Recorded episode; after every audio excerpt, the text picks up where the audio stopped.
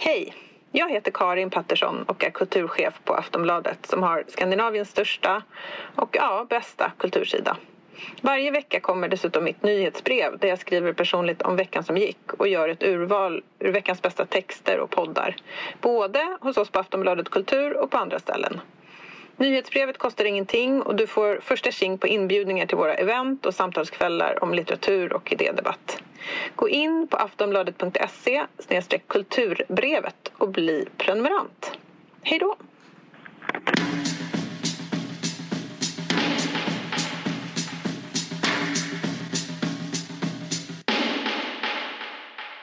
God morgon, Liv. God morgon. God morgon. Eh, härligt att mötas i Arla morgon. Ja. Jag känner mig lycklig. Jag hade en sån underbar dröm i natt. Eftersom det här är Freud-podden Mm. så eh, försök att stoppa mig att berätta om den. Kommer inte göra. Nej, nej, bra. Nej, men grejen är, det handlar om hur mycket jag älskar dig, tror jag. Åh. Det är så fint. Nu ska inte jag vara som sån som håller tal och börjar gråta själv. Nej, men, eh, det var liksom en stor Birgarten där alla var, som en stor Wow. matsal. Jag älskar redan liksom- den här drömmen. Ja, det var tjo och tjim. Det var drindlar och långbord. Men Nej. stämningen var... Liksom in, den lyfte liksom inte. Nej. Det var lite, lite lågt. Jag ser det framför mig nu. Ja, och jag satt ensam. Eh, på, på långborden satt, satt givetvis människor ur mitt eget liv.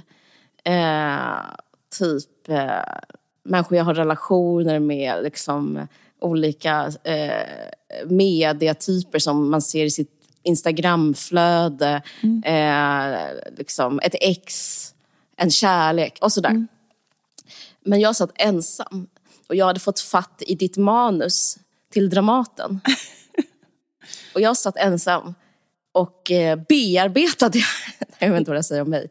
Men, men jag, satt och, och jag satt och läste. Och var, du var inte där. Jag satt och läste det och så satt jag och liksom skrev liksom, det låter ju jättesjukt att jag förbättrade det, men jag, liksom, jag läste det liksom med en penna och var så, okej det här är fantastiskt, men om man lägger till den här repliken, och liksom, det här är så underbart, det är så underbart. Men sen så bara insåg jag sen, men det här manuset är ju klart och den kommer ju komma på Dramaten. Och just då så stegade du in och alla var på, hade en viss typ av stämning i rummet. Alla var tre plus. Alla levde sitt vanliga tre plus-liv. To be honest, två plus-liv. Men så kom du in och så bara typ så här så bara skrek du så här wow! och så var det så att alla så här vågade prata med varandra och alla var så glada och alla typ så eh, eh, det typ blev en fest när du kom och sen så var det som att du kom fram till mig och jag blev liksom så stolt att du var min vän och, och jag satt och jag visste hur bra ditt manus var jag satt där liksom med det fysiskt och sen så gjorde du och jag vi las ner på liksom gräsmattan utanför och jag liksom lyfte dig, du vet som man lyfter barn med sina, knän. Va? Eh, Ja, Ja. typ som att, jag vet inte om du gjort flygplan med dina Jo, barn. självklart. Jo, så gjorde jag med dig. Och, vi, och, sen, och bara firade dig, liksom, för det var så fantastiskt med din pjäs. Eh, och du var så jävla pepp och var typ så underbar och typ så här eh, också så glad att det skulle ske. Och sen så inspirerades liksom andra av dig och folk började lyfta varandra och typ någon skrek så här rödspätta ikväll! Eh, på, vänta, vad heter det sånt där, jag minns exakt det här för det var så weird. Eh, rödspätta ikväll när man äter på Sandefjorden, det finns något som heter Sandefjordsås. Eh, i min, men i min dröm var det typ som en restaurang som hette Rödspätta ikväll på Sandefjorden!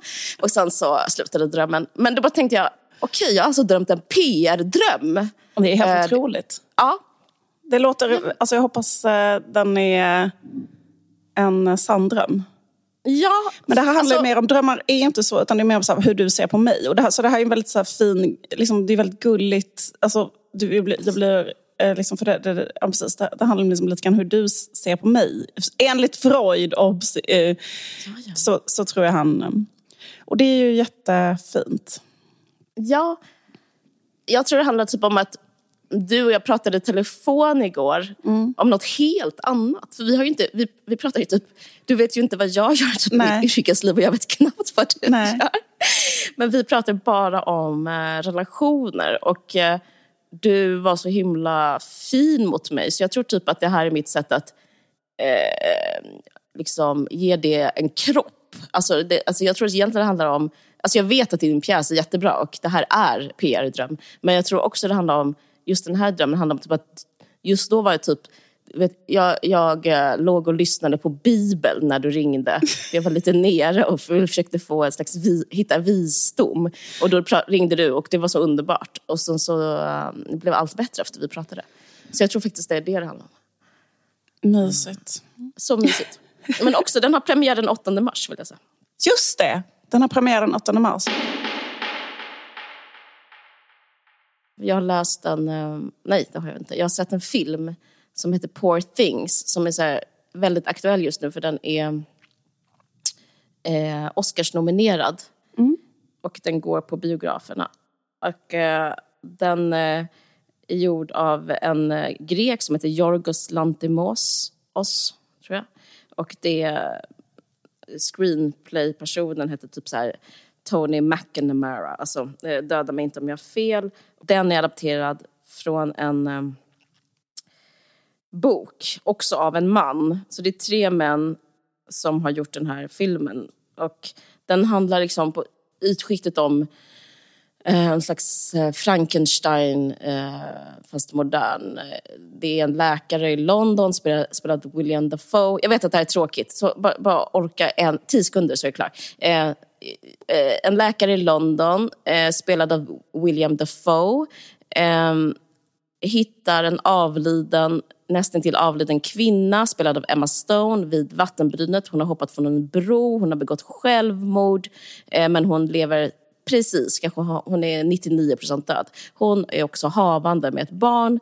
Han är en så här eh, galen vetenskapsman så han drar hem henne, opererar ut bebisens hjärna som finns i barnet eh, eh, som finns i bebisen då, och in i hennes hjärna. Så att eh, han har skapat ett eget monster, eller liksom en egen varelse, som är en eh, jättesnygg kvinna med en bebishjärna.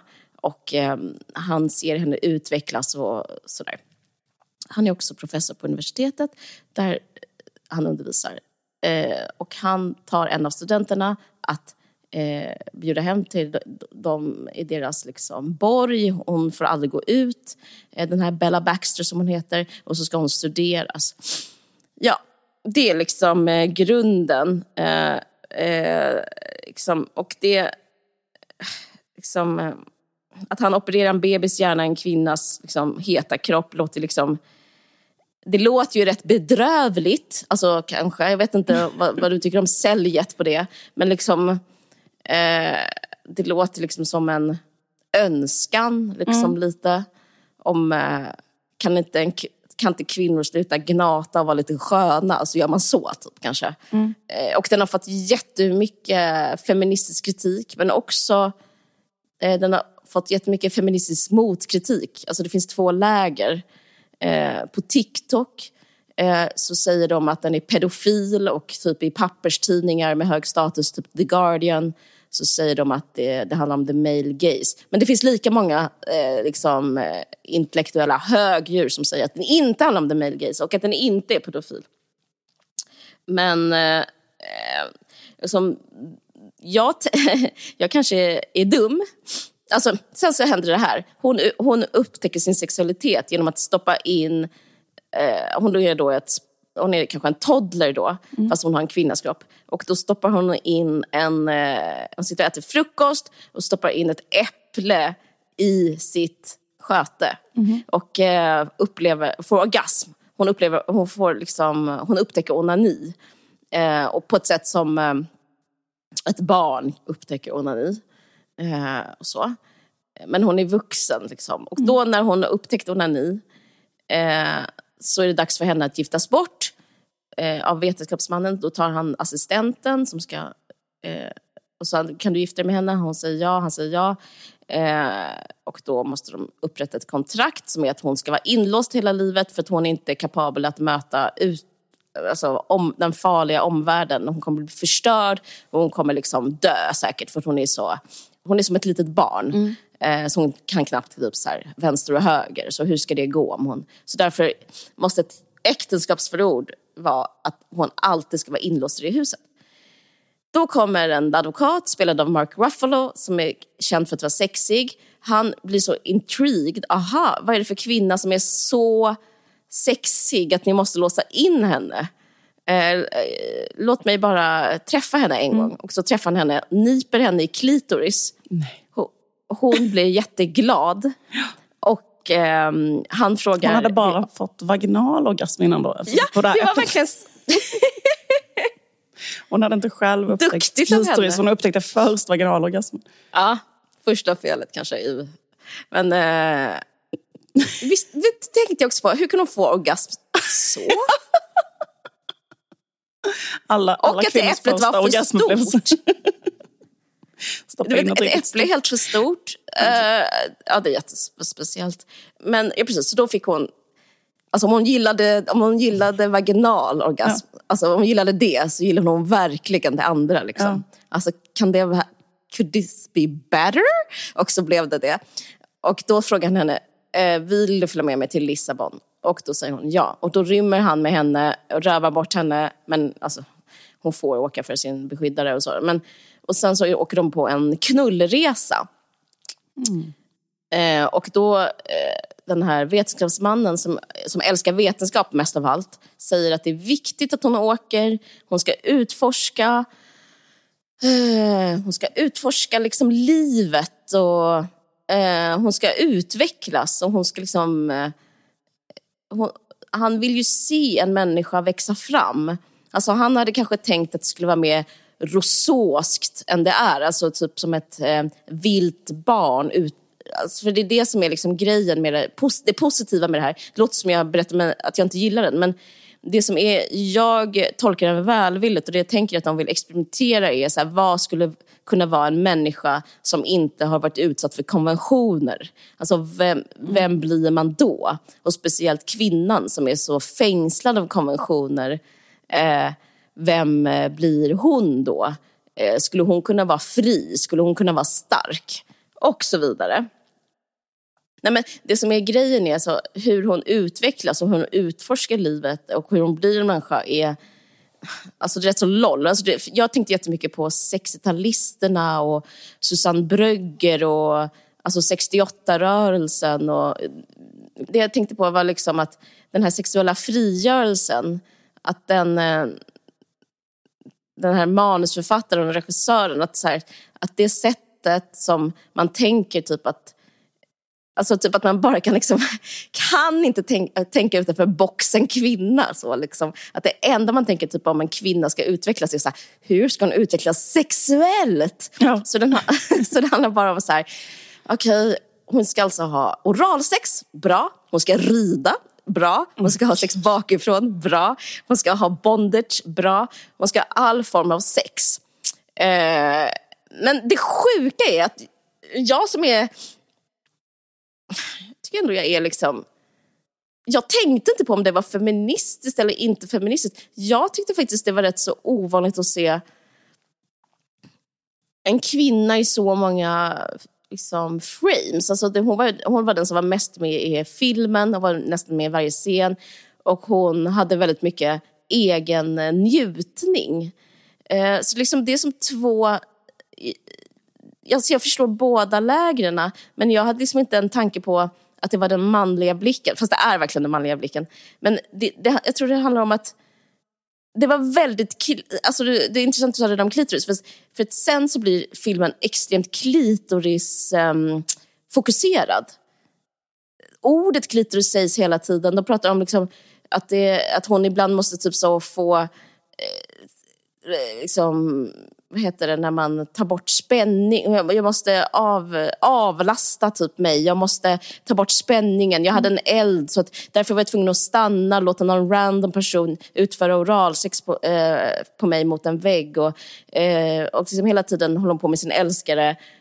Och att det, är liksom, det är som att deras gemensamma projekt är att hon ska komma och hon kommer hela tiden eh, liksom via liksom, stimulans och sådär det kanske säger någon, kanske inte är ett bra Men förlåt, jag fråga, hur gammal alltså, är hon alltså, i sin hjärna när det här sker? Är hon så här, kan hon prata typ? Eller kan hon, ja, för är hon det som hon sker är att hon läser böcker samtidigt. Och det tycker jag är den riktiga porren. Det är, det är inte så kul att du, det här, att du tar upp det här. För de har liksom ett parallellt spår som är att hon bara kommer över Goethe och Emerson och, och så här, socialismen och Max Weber och liksom um, och läser och hon kommer på att hon också som sin farsa vill bli eller den där som uppfann henne mm. vill bli läkare och det tycker jag är um, eh, men det tycker jag är det dåliga med det för det är som att det avslöjar mer hur de ser, alltså hur skaparna ser på social status eller liksom mänskligt värde. Liksom att det är först när hon... För det feta är typ så när hon ligger runt och har jätte, jättekul, mår jättebra och typ är någon slags Emil, Emil av Rousseau. Men, men sen så den här, det här spåret att för grejen, hon tar värvning på bordell. Och det, jag kan inte fatta, men jag är inte ens kritisk mot det heller. Jag ser den lyckliga horan gestaltas framför mina ögon. Men jag kände typ att det inte gjorde någonting mm. heller. Mm. Uh, jag tror det är för att i vanliga fall i filmvärlden, så om man tänker på Girls till exempel, som jag ser om nu, som också tydligen hela världen ser om, som är så otroligt bra. Mm. Jag tycker typ det är det bästa som har gjort om sex. Uh, jag rekommenderar alla att se första säsongen, avsnitt två. Det, det handlar bara om eh, att när Marnie blir tagen bakifrån och eh, han, hennes kille frågar är det okej, okay? är det okej, okay? är det okej? Okay? Det är så hemskt. och, och att Hanna eh, blir utsatt, alltså hon, hon måste säga att hon är en dirty little whore som ska gå hem till sina föräldrar. Och, ja. ja det är väldigt, väldigt bra alltihopa.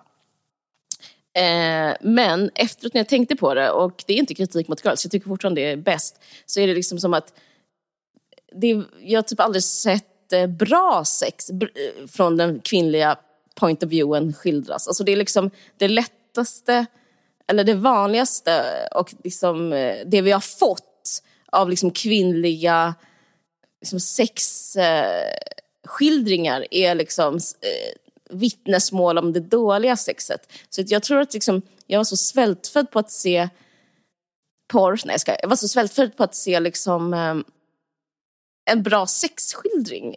Alltså jag har aldrig sett, typ, eh, jag har aldrig sett typ en, en tjej vilja ha sex när jag tänker på det. Alltså jag har sett att kvinnor blir, vill, alltså blir begärda och sen så blir det något passionerat. Men alltså kom, vet du, någon, har du någonting så här på rak arm som du tänker, ja, men den är ju så typ. Piano typ, eller jag vet inte. Um, jag vet inte riktigt. Jag, alltid när folk frågar mig vad är en bra sex, jag brukar säga på den här personen, personen när de ligger bredvid varandra på Klippan. Eh, mm. Uh, Liv och Ullman och, men då ligger de bara och pratar och ligger bara och berättar. Um, mm. Men... Uh, Okej. Okay. Men, men, men, men, men, men jag, jag, jag vet inte riktigt. Men, eh, men, men hur är det? Är det typ att man ser hennes liksom, ansikte när hon njuter? Typ, man ska säga? Ja, och, och kommer. kropp. Och, ja, precis. Och ja. kropp och kommer. Och ja. typ så, man ser ändå typ så här, vilken position hon är i. Och eh, liksom, man fattar typ att det är skönt. Typ. Alltså, jag, det har jag nog inte sett. Liksom. Nej, okay. eh, och därför tycker jag att även om liksom filmen är allt det där, liksom, typ en manlig blick och en manlig fantasi och typ en manlig önskan om vad en kvinnlig frigörelse är, så är det ändå liksom, på grund av att allt annat är så dåligt så blir det liksom ofrivilligt så groundbreaking. Eh, bara liksom att det finns liksom inget av den varan.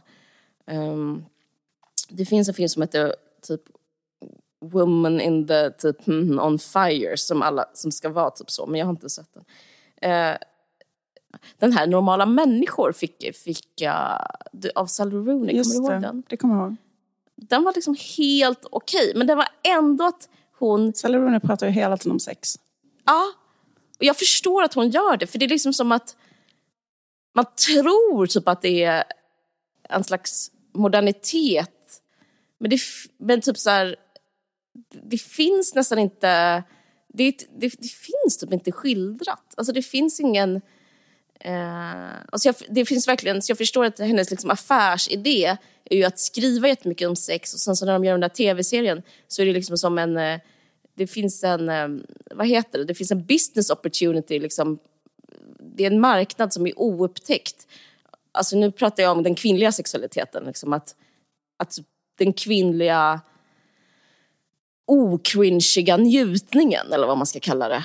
Men samtidigt så finns det liksom, det är jättelätt att ha en kritik som är att, ja men typ, jag tror vi pratat om det i den här podden innan, den, på Instagram fanns det där Free the Nipple-rörelsen som är så, ja en 20-åriga tjejer med typ fasta bröst önskar att visa sina bröstvårtor. Ja, gissa vem som inte är emot det. Och då är det liksom, det är liksom kvinnlig sexualitet är liksom den enda typ av frigörelse man får ha. Eller det är, liksom det, det är, den en, det är, det är icke-hotande med typ en kvinna som det enda hon vill är att bara knulla jätte, jätte, jättemycket. Liksom. Men, eh, men, eh, men jag vet inte, jag tänkte, kom att tänka på Susanne Brygger väldigt mycket när jag mm. såg filmen. Um, kommer du ihåg hennes bok Crème fraîche? Ja, visst. Men jag typ kommer knappt ihåg det, men det handlar väl typ om att hon reser runt och typ. Mm. Men precis, men det är faktiskt på ett sätt rätt så likt. För den har om att hon ja. så får kontakt när hon är jätteung med typ en eh, äldre man. Han kanske är 30, hon kanske är 14, 13, 14 år eller känner mm. honom. Eller 15 mm. kanske. Och då börjar han eh, typ så att säga lära henne. Han vill lära mm. henne allt om sex. Och det är precis samma grej där som Mm. Som i den här filmen lite grann då att han liksom så här, eh, Jag vet att det är en scen där han vill lära henne att ha lesbiskt sex och då måste hon ligga med hans fru. Mm. Eh, och då liksom ska han typ vara med och typ instruera dem och så. Mm. Och eh, typ, um, ja, men jag vet inte, och sen så, så, för liksom, i hennes bok så är inte hon alls kritisk mot det här. Liksom, utan hon bara berättar mm. det som någonting, um, liksom, um, uh, ja men typ för det var ju då på, i den här andan av total sexuell frigörelse, så det är väl bara som att det som anses förtryckande är liksom att uh, ja, att liksom ha någon typ av eh, liksom restriktion, eller liksom så här, eh, vad, mm. vad, ska man säga? Det, var, eh, liksom, det fanns ju inte särskilt, det, det fanns ju liksom en kort era där folk inte heller hade kritik mot pedofili. Typ. Alltså typ så här på, Just. de ville ta bort de där åldersgränserna för sex och så. Det var ju typ en stor grej i Frankrike men också i Sverige hade de ett sånt lagförslag att ta bort liksom den, den för att man ansåg att det var liksom, ja, men typ så här förlegat och borgerligt typ, att vara mot det, att ligga med någon under 15 och så. Eh, men sen, liksom, jag, inte, jag tycker också man kan se jättemycket Susanne Breggers böcker bara liksom i ljuset. Man, skulle, man kan liksom lika gärna läsa dem som att hon blev utsatt för övergrepp och sen ja. att eh, hon liksom formade, eller typ tvingades forma en identitet efter det. Och ja. så vidare, som bara var så här. Eh, jag är en person som liksom eh, stå för det här, alltså typ att det blir mindre smärtsamt typ att eh, bara skriva om sig själv som en form av vinnare när det kanske egentligen är så här, mm. eh, ja, men väldigt eh, liksom, eh, ja, men liksom att man är för ung för att ehm, kunna liksom bestämma själv i den åldern. Mm. Och fatta egna beslut. Och... Jag inser en sak nu medan du pratar en nedslående sak. ja. Att den här filmen, Emma Stone, ja. det är inte bara det att hon är väldigt smal med, med en väldigt så här, uh, rätt så pojkaktig kropp. Men jag fattar nu vad den här filmen handlar om. Mm. Den handlar inte om kvinnlig frigörelse överhuvudtaget utan den handlar om den manliga fantasin om den manliga sexualiteten. Mm. För det hon är, är en man i världen. Hon är liksom som typ eh, en dagdröm. Om, om man skulle vara en, en, vara en snygg ung man med en snygg kropp, vad skulle man göra då? Ja. Eh, för det är det som beskrivs. För att en sak som är väldigt så här, slående, det är att hon aldrig eh, känner någonting. Eh, hon har liksom en sån autistisk charm som är det jag skulle nästan säga att det är en viss typ nu för tiden. Det är liksom en modern ja. tjejtyp att vara så mm. eh, charmig autist. Mm. Eh, och, då är det, och, och om man i ett sexuellt ljus att vara en charmig autist, det är ju typ som att så här, ja, men som, tänk dig hon Saga ja, i Bron. Ja, In och ut med penis. Är du klar? Typ så. Du kommer ihåg? Jag vill knulla. Jag vill knulla. Ska vi gå hem till dig och knulla nu? Ja, ja, precis. Och det är liksom, de, i Bron, som är en svensk produktion, så har de inte gjort det lika raffinerat. Men det är liksom samma tanke om att Men är inte det Sveriges Eh. fel att den autist... eh, Alltså den, eh, den grejen har blivit spridd över hela världen? För de sålde ju det tv-konceptet till alla länder. Så alla länder gjorde en egen som blond... Eh, vad heter det? Autist som, som pratar om sex på ett sånt eh, sätt. Visst. Nej men i alla fall så tänker jag att det som, det som är med den här manliga fantasin, det är därför jag, jag, liksom, jag, jag kan inte få, alltså jag vill gärna vara feministisk välvillig men jag känner inte the male gaze. Jag känner ett, en subjektiv point of view men det är inte kvinnans point of view, det är bara det är bara mannen i en kvinnokropp. Så att den, nu, jag vet vad den här handlar om. Bebisens hjärna är mannens hjärna. What if det var en liten pojke som var en bebis? De säger aldrig könet. Eh, ja, och, och för kvinnan, det hon gör, Emma Stone, hon är en otrolig skådis. Otrolig! Så det hon klarar att gestalta är liksom eh, den unga, man- jag behöver inte vara den unga, men så här, mannens sexualitet som är drömmen, eller i alla fall fördomen som finns, eller stereotypen av, av en man som kan ha sex utan känslor.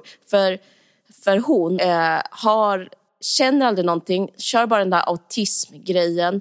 Och det är där, därför, det går så, därför inte jag heller blir illa berörd när hon är en lycklig hora där på bordellen. För att det är genuint att hon, hon upplever aldrig ett enda eh, liksom knull som ett trauma. Utan hon tycker bara det typ, hon registrerar det, hon undersöker det och hon lär sig någonting av det.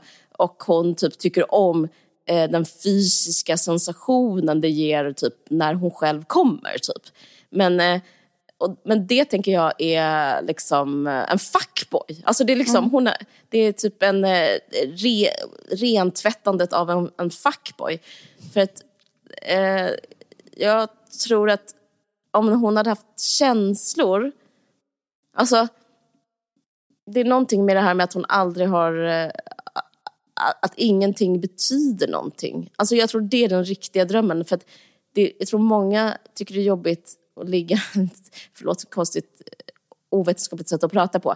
Men den här grejen typ att det blir råddigt efter sex för att typ så här, någon blir attached och någon känner någonting och någon kanske gråter och du vet, någon vill ses igen. Och, eh, och det är typ rätt så kvinnligt kodat liksom.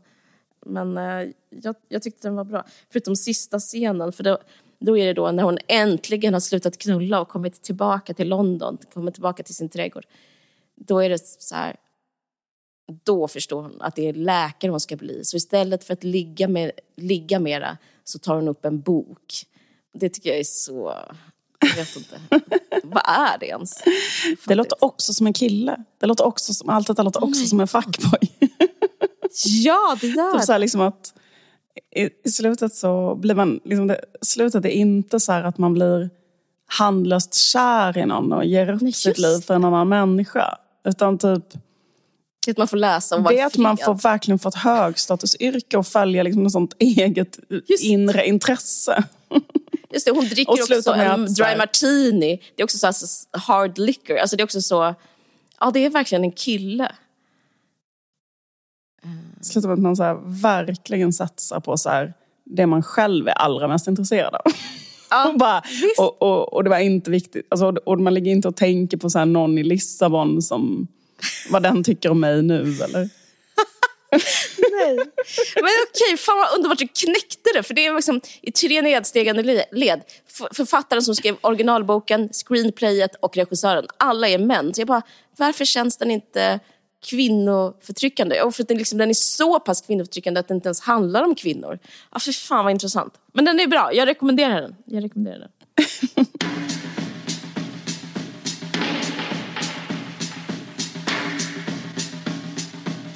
Vi har återigen ett samarbete med Scanbox Entertainment och den här gången har vi fått se Todd Haynes senaste film May December. Eh, det är huvudrollen spelas av Julianne Moore och Natalie Portman och eh, den släpps på bio i Sverige den 8 mars. Den är gjort av Todd Haynes ska sägas, som har gjort de otroliga filmer, till exempel Far from Heaven och Carol. Och den här filmen handlar om eh, en, ett par som består av en kvinna som heter Gracie och eh, hennes otroligt mycket yngre man som heter Joe. Och ehm, eh, det här är lite löst baserat på ett riktigt rättsfall som var en eh, lärarinna som blev ihop med sin 12-åriga elev. Men det här är liksom, eh, i filmen så är liksom settingen väldigt många år senare, 24 år senare, när, när den här eh, unga mannen har hunnit bli 36. Eh, eh, lä- lärarinnan, som han då fortfarande är ihop med, är kanske 50, ja, mellan 50 och 60.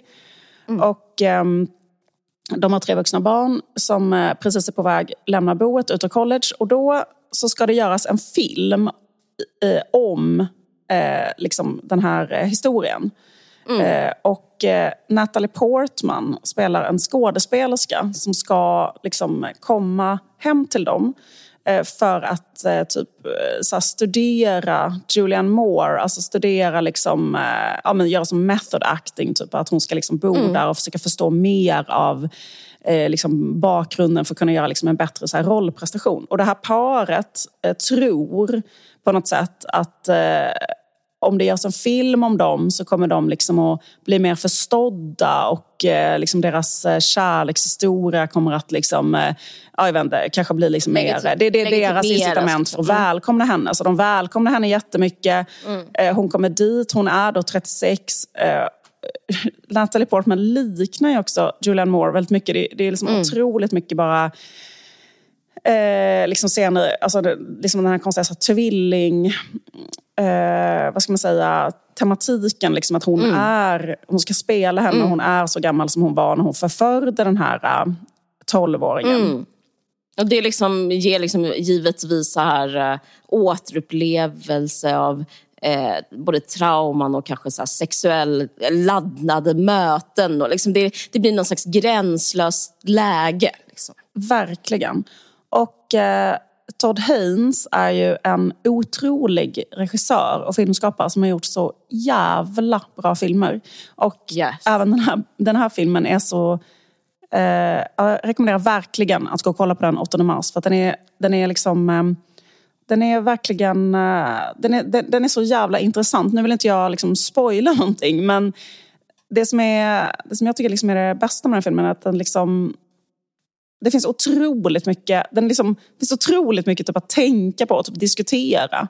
Ehm, typ, eh, som jag skulle vilja fråga dig, men vi kan inte prata om det nu därför att eh, vi vill Nej. inte spoila det. Men typ så här, vad, tyck, vad var slutet? Alltså, du vet, så Mm, mm. Men jag ska också säga att filmen är nominerad eh, till Oscar för bästa manus och har också varit nominerad i Cannes och Critics' Choice och Golden Globes. Alltså sådär, det är den typ av film som vi har att göra med och det är Todd Haynes. Och om man har sett någonting av honom innan så vet man att det är otroligt så här, kvinnocentrerat, vilket eh, ja, det, det är någonting eftersom ingenting annat är det. Så, och Julianne Moore har han jobbat med innan. Ja, det, det, det, är, det är en fröjd. Så Ja. gå och se den den 8 mars. Och tack så mycket Scanbox Entertainment för det här samarbetet.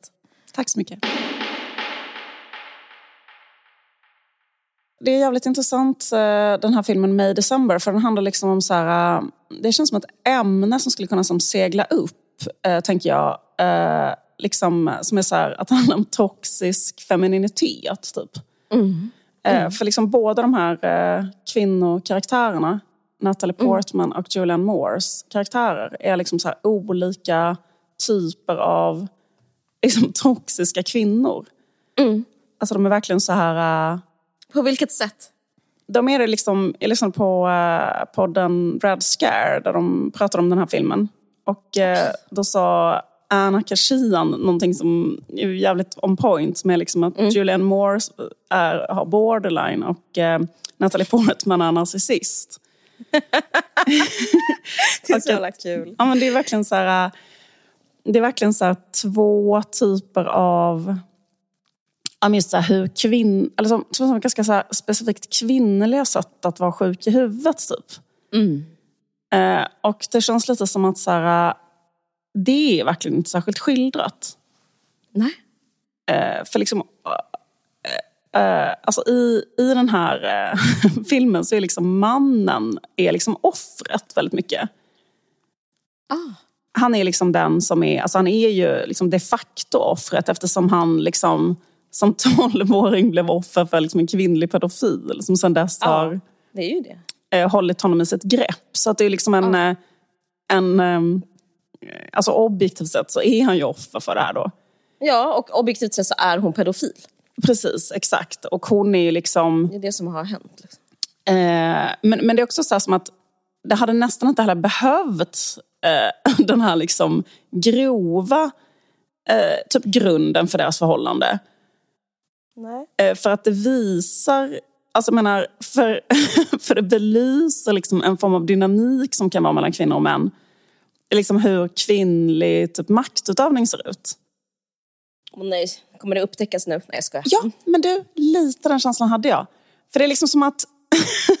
jag tänkte också på det, för att Todd Haynes är ju en gay man. Och det är väldigt så här, det här är verkligen så här, en bögs typ, blick på kvinnor. Typ så här, att kunna, liksom att, att han, han, han ehm, gör ju liksom så jävla mycket filmer om kvinnor. Så han är så Mm, jävla intresserad av kvinnor. Men utan att liksom, älska kvinnor på det sättet. Förstår du vad jag menar? Typ man älskar kvinnor, man älskar inte kvinnor på ett sexuellt Mm. Men sätt. han har orkat kolla på kvinnor. Alltså, fattar du vad jag menar? Det har ju inte någon annan manlig regissör gjort. De har inte orkat. Nej, men liksom, kolla. kanske manliga regissörer kanske brukar titta på kvinnor som ett sexobjekt mer. Att det är så man är intresserad av kvinnor. Visst. Men han är intresserad av kvinnor så som liksom kanske Lorca var intresserad av kvinnor. En annan eh, känd bög som, liksom, vad heter det? Nej, men så du menar, som växte upp med alla sina mostrar och var helt besatt av kvinnor och skrev alla de här kvinnodramerna och sådär. På grund av att han har den här liksom, eh, det, det är liksom den här blicken som är typ så att Ja, man... den klara att liksom, blicken, men, liksom. men det är också så här... eh, Jag kan nästan säga liksom att den här May December, att det på något sätt är liksom... Att det kommer från en källa av typ en svartsjuk man som är kär i en annan man. Men han är gift och har barn med en kvinna. Intressant. Och typ så här hur rasande man är när man tittar på den där vidriga kvinnan som har tagit den här snygga, underbara mannen. För att, och liksom bara håller honom i ett sånt jävla grepp. Och typ... Vad kul. Det är så, det, och liksom det är så och gay dominera män ser på honom. Liksom, liksom manipulera honom. Det är liksom sådana scener att hon ligger och gråter. Och tvingar honom att eh, liksom trösta henne eller ta hand om henne så otroligt mycket emotionellt. Och, ja, men liksom lite den här, om man, om man liksom, eh, alltså jag menar inte att liksom hacka ner på den här disordern då, det heter inte ens en borderline, det heter så här emotionell eh, personlighetsstörning. Personlighetsstörning, Men just det här typ till exempel att, alltså, man, man känner ju igen det här, alltså typ så här, vet du vad det också är skildrat på ett jävligt intressant sätt? Typ så här toxiskt moderskap, eller typ så här hur... Eh, Damn it. vad sa du? Damn it, låt oss vara. Nej, jag skojar. Ja, men vi har, Nej, jag skämtar alla... Alltså, alltså det, det är liksom så här, modern som en Som en eh, brottsling. destruktiv kraft. Ja, precis. Som en villain. Ja. Ja, exakt. Den, den onda mamman, liksom. Eller vad ska man säga? Mm. Den, och, och det är så intressant att liksom titta med ett typ förstoringsglas på hur... Liksom, eh, just den här grejen typ så att vara till exempel absolut inte kunna ta kritik. Mm. Typ så här, om man så försöker, liksom, han försöker som ta upp en grej. Eller det är väl också situationen typ att ett barn försöker ta upp en grej med sin mamma eller sin förälder. Liksom så här. Och sen att det bara går inte i en sekund att så här, ehm, erkänna på något sätt. Det är liksom en... ehm, det är liksom typ en maktlös maktutövning. Förstår du vad jag menar? Typ så här att... Um, så intressant slags maktutövning, typ, en sån här, typ arketypisk moderskapsmaktutövning som är typ så att jag är så svag själv Mm. och eh, det är jag som är offret hela tiden. Och Liksom, du liksom, du krossar mig. Jag klarar inte av någonting. Liksom, Jag klarar inte av kritik. Typ, minsta lilla kritik knäcker mig.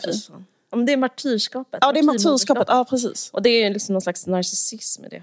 Ja, Det just det. handlar om en själv. Så hon säger till exempel till honom i, en, i en, ett helt sjukt re- replikskifte så här, eh, när han försöker ta upp dem med henne, så här, varför? För han vågar äntligen typ ta upp det så, varför förförde du mig när jag var 12? Typ. Och då säger hon så här, det var ju du som förförde mig. Okej. Det var ju du som förförde mig. Liksom typ så här, och så det är väldigt så här key liksom, till den typen av person. Förstår du vad jag menar? Typ att man är så här, Verkligen. jag har ingen agens.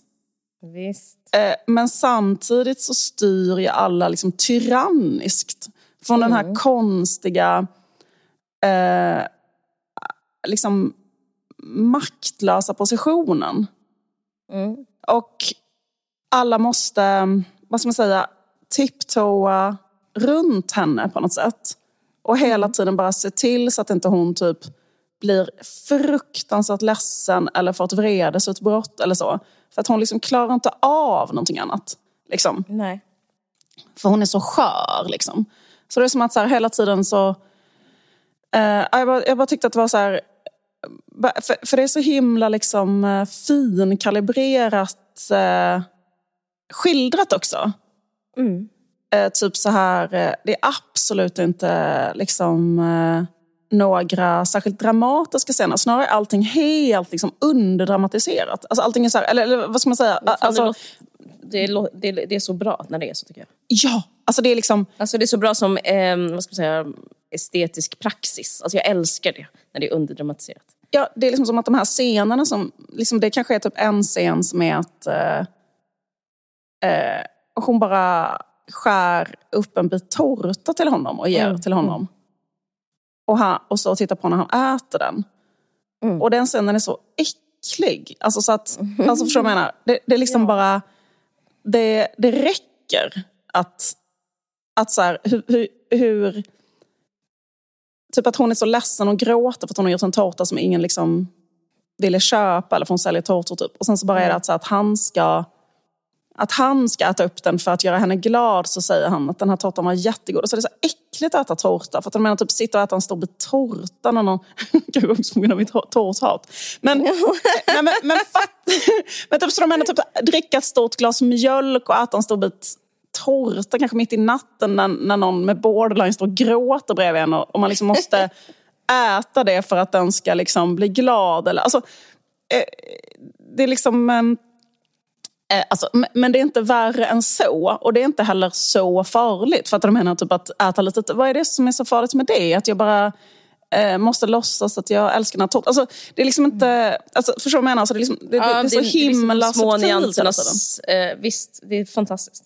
Exakt, men jag blev lite rädd för den här trenden att så här, eh, exposa hur sjuka i huvudet kvinnor är.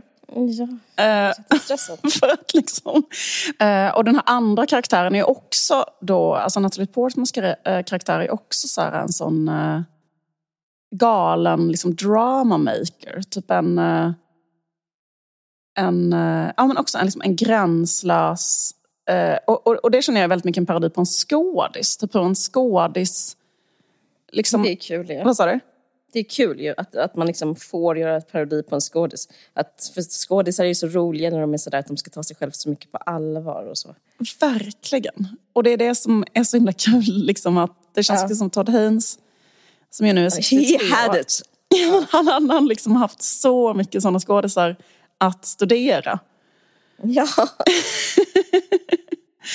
Att liksom så här, men, men framför allt, det som är absolut bäst tycker jag med den här filmen och med hans film i stör- största allmänhet är att Mm. typ idag så är så här, hela vår kultur går ut så jävla mycket på så här, att allting ska vara så jävla tydligt hela tiden. Att allting ska vara så övertydligt. Ingenting som får eh, ha risken för att missuppfattas. Så därför måste man typ skriva med typ gigantiska bokstäver hela tiden. Exakt rätt sak så att ingen ska så här... Ja, man liksom litar inte ett skit på typ, ehm, eh, vad heter det, den som tittar. Nej, man litar inte på publiken eller liksom den som tar emot det utan det ska vara så, komma med en bruksanvisning. Ah, verkligen. Och så allting ska vara var så här, det här är den rätta tolkning. tolkningen och det här är... Och liksom att tolkningen är klar också. Typ tolkningen finns i eh, liksom verket från början. Och i hans filmer så finns inte tolkningen. Liksom. Utan det är hela tiden så, på ett så jävla intressant sätt. Typ att det är eh, olika saker som är liksom sanna samtidigt. Det är ju en sjuk klyscha, men tänk att ro i land med det. Mm. Att visa det, så här, hur komplext allting är. Mm.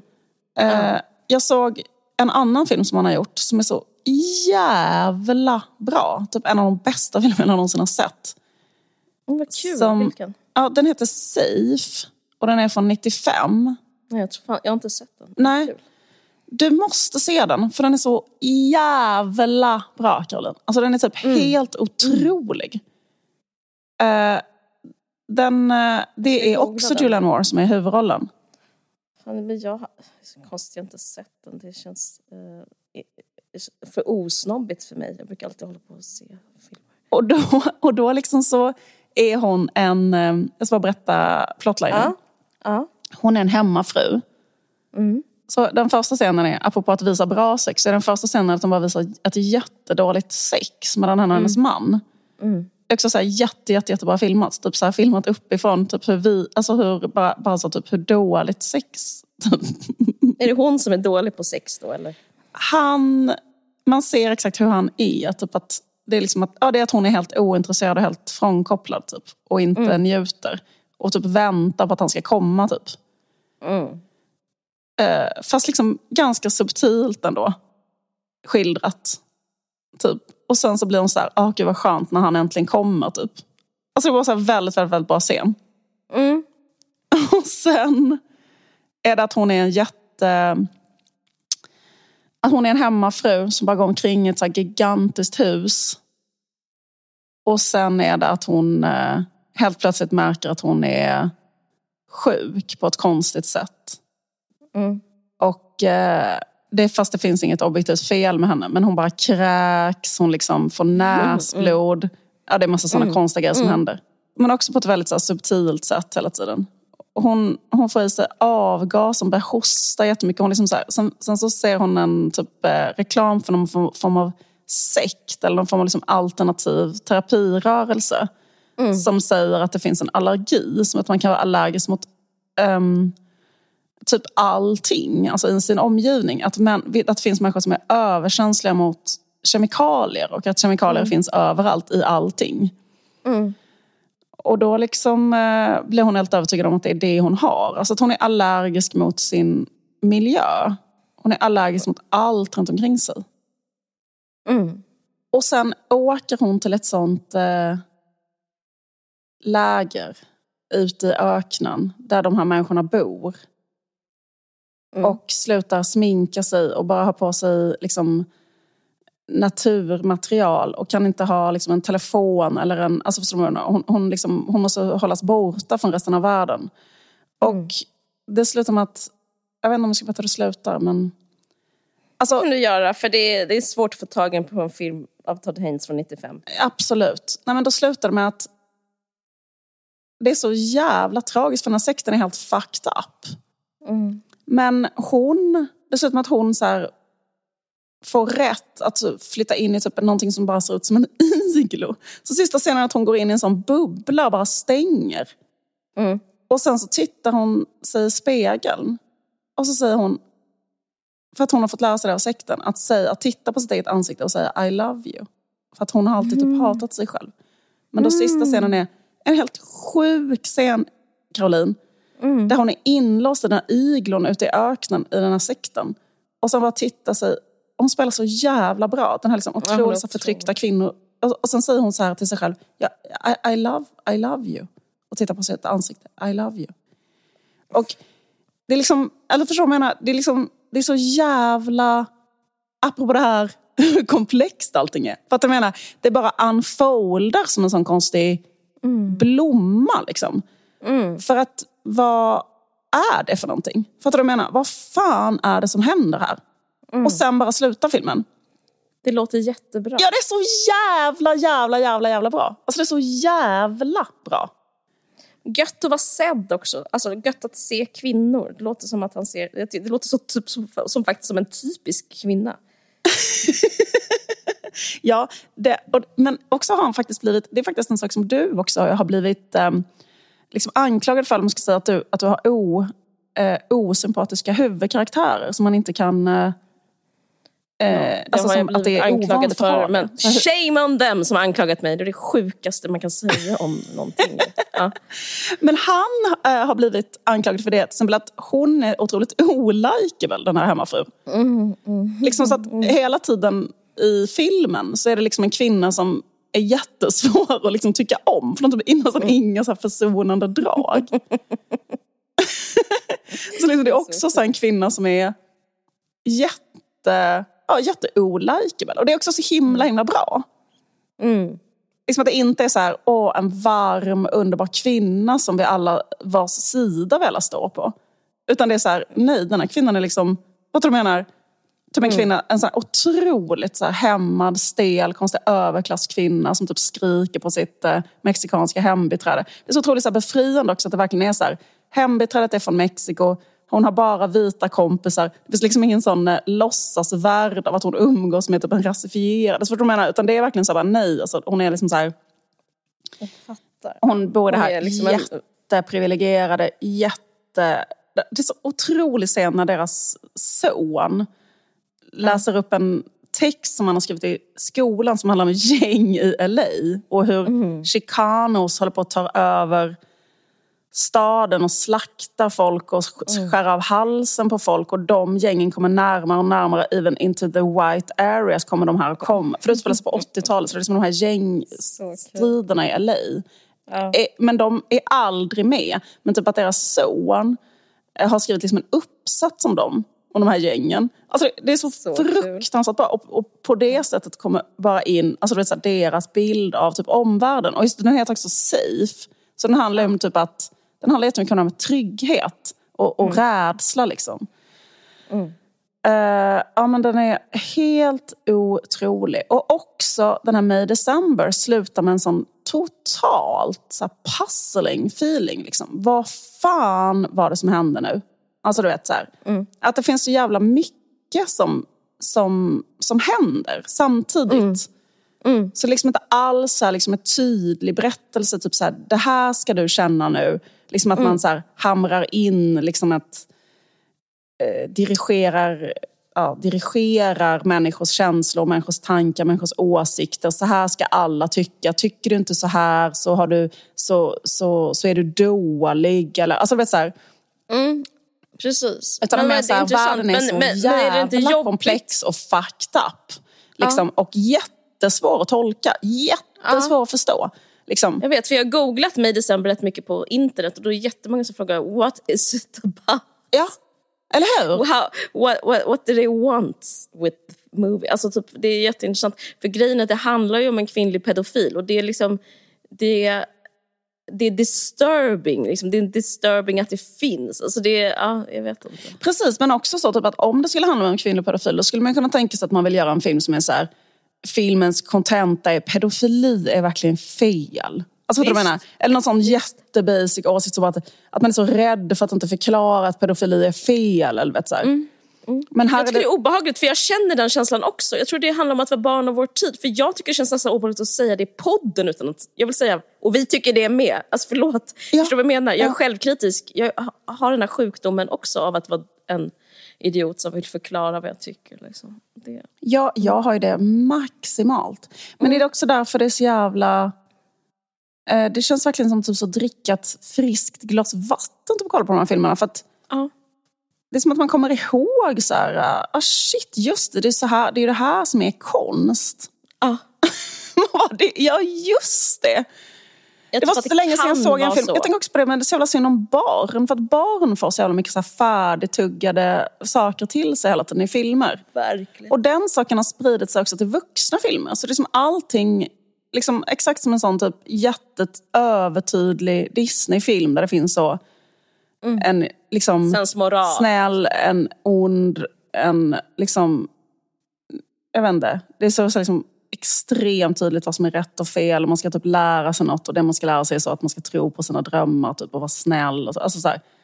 Mm, och det sen- finns alltid ett budskap. Och sen är det liksom så här, så är liksom film också för vuxna typ. Och tv-serier för vuxna. Vidrigt. Men det här är verkligen inte det. Nej, men det är mer vibe också. Det kommer komma tillbaka. Jag är, jag är positiv. Alltså, det går ju till exempel jättedåligt för Marvel-universumet just nu. eh, och även för Disney. Alltså de, det, de, det är en nedåtgående trend på deras framgångssaga, vilket man inte skulle kunna tro för två år sedan. Så att det, liksom, det är dags. Och sen så tror jag också, eh, som vi pratat om innan, att Virginia Woolf, Marcel Proust och Ulysses, James Joyce, de här liksom vibbiga författarna är liksom, det är cirka, alltså världen är redo för liksom det Att osagda, ja. liksom, det, o- det suddiga och det är så. Ja, alltså, och det som är liksom... Själv är man ju så för sugen på det. Det finns ju inget man hatar så mycket som typ tydliga liksom paketerade kategorier och läger där man ska, folk försöker placera varandra i. Det är liksom, det är vulgärt. Det är helt... Det är också så här... Det skaver så jävla mycket eftersom det absolut inte speglar typ ens egen upplevelse av att leva. Mm, visst, Därför att det bara är det här liksom det komple- komplexa... Där det, där det är så här... Sure. liksom, jag vet inte, nej men typ där det är så jävla otydligt så här, vad var bra eller dåligt eller rätt eller fel eller vad, alltså fattar du vad jag menar? Eller vems, liksom, alltså du vet, det, det är liksom bara så här, Visst, visst. och, och då liksom, att hela tiden bli serverad en sån lögn, typ att det var så här, jag vet inte om det beror på att vi har en högerregering också som är ännu dummare än vanligt på något konstigt sätt. Alltså att de människorna, ut, när de pratar så blir det liksom som en... Det är liksom... liksom en, det känns som att man har liksom en ännu Ja, mer det- så, här, visst. eh, så Det jävla förolämpning. korkad regim. Ja, det, det är liksom förolämpande förnedring att höra en politiker, alltså höra dem i Ja. regeringen tala till en. Ja, visst. De, de liksom förnedrar en, en i, i liksom underskattning. Ja, visst, precis. Hela tiden säger någonting helt liksom, eh, så här barockt förenklat med ett hysteriskt liksom, tonläge. Ja. Och det är liksom exakt det man inte vill höra. Liksom.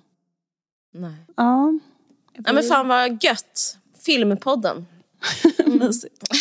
Det känns kul att återupptäcka film. Så känner jag också. För jag tänker så här, film är ju helt otroligt. Vet att jag har två filmklubbar. Jag hade ingen aning.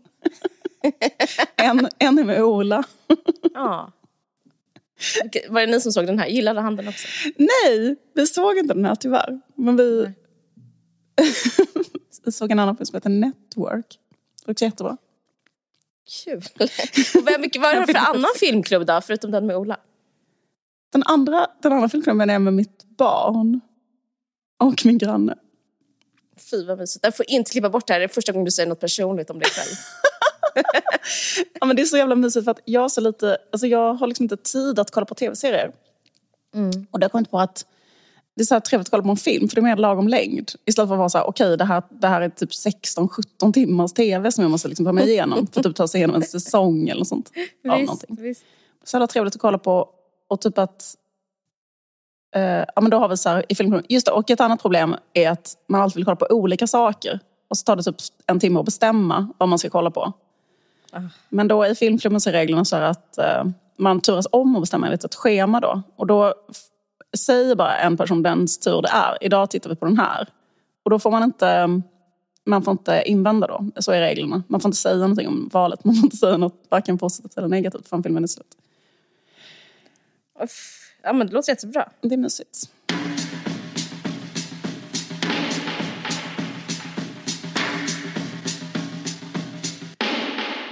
Ja, älskar film. Jag går ju en filmutbildning. Visste du det? Ja, du vet.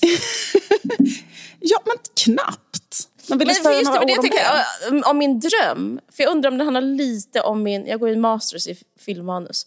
Om det var lite... Eh, också jobb, alltså skolstress. Förlåt, det är inte så romantiskt.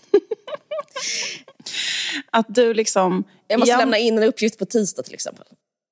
Det kan ju också vara det. Att du liksom så här... äh, Det var bara... Liksom, exakt, den- den handlar bara om att så här, du gjorde en uppgift. Och sen blev den jättebra. Nej, det var helt underbart. Det var kul, och, och, eh, det var kul att göra så akrobatiska konster och fira med dig. Eh, Det var kul. Tusen tack för att ni lyssnar.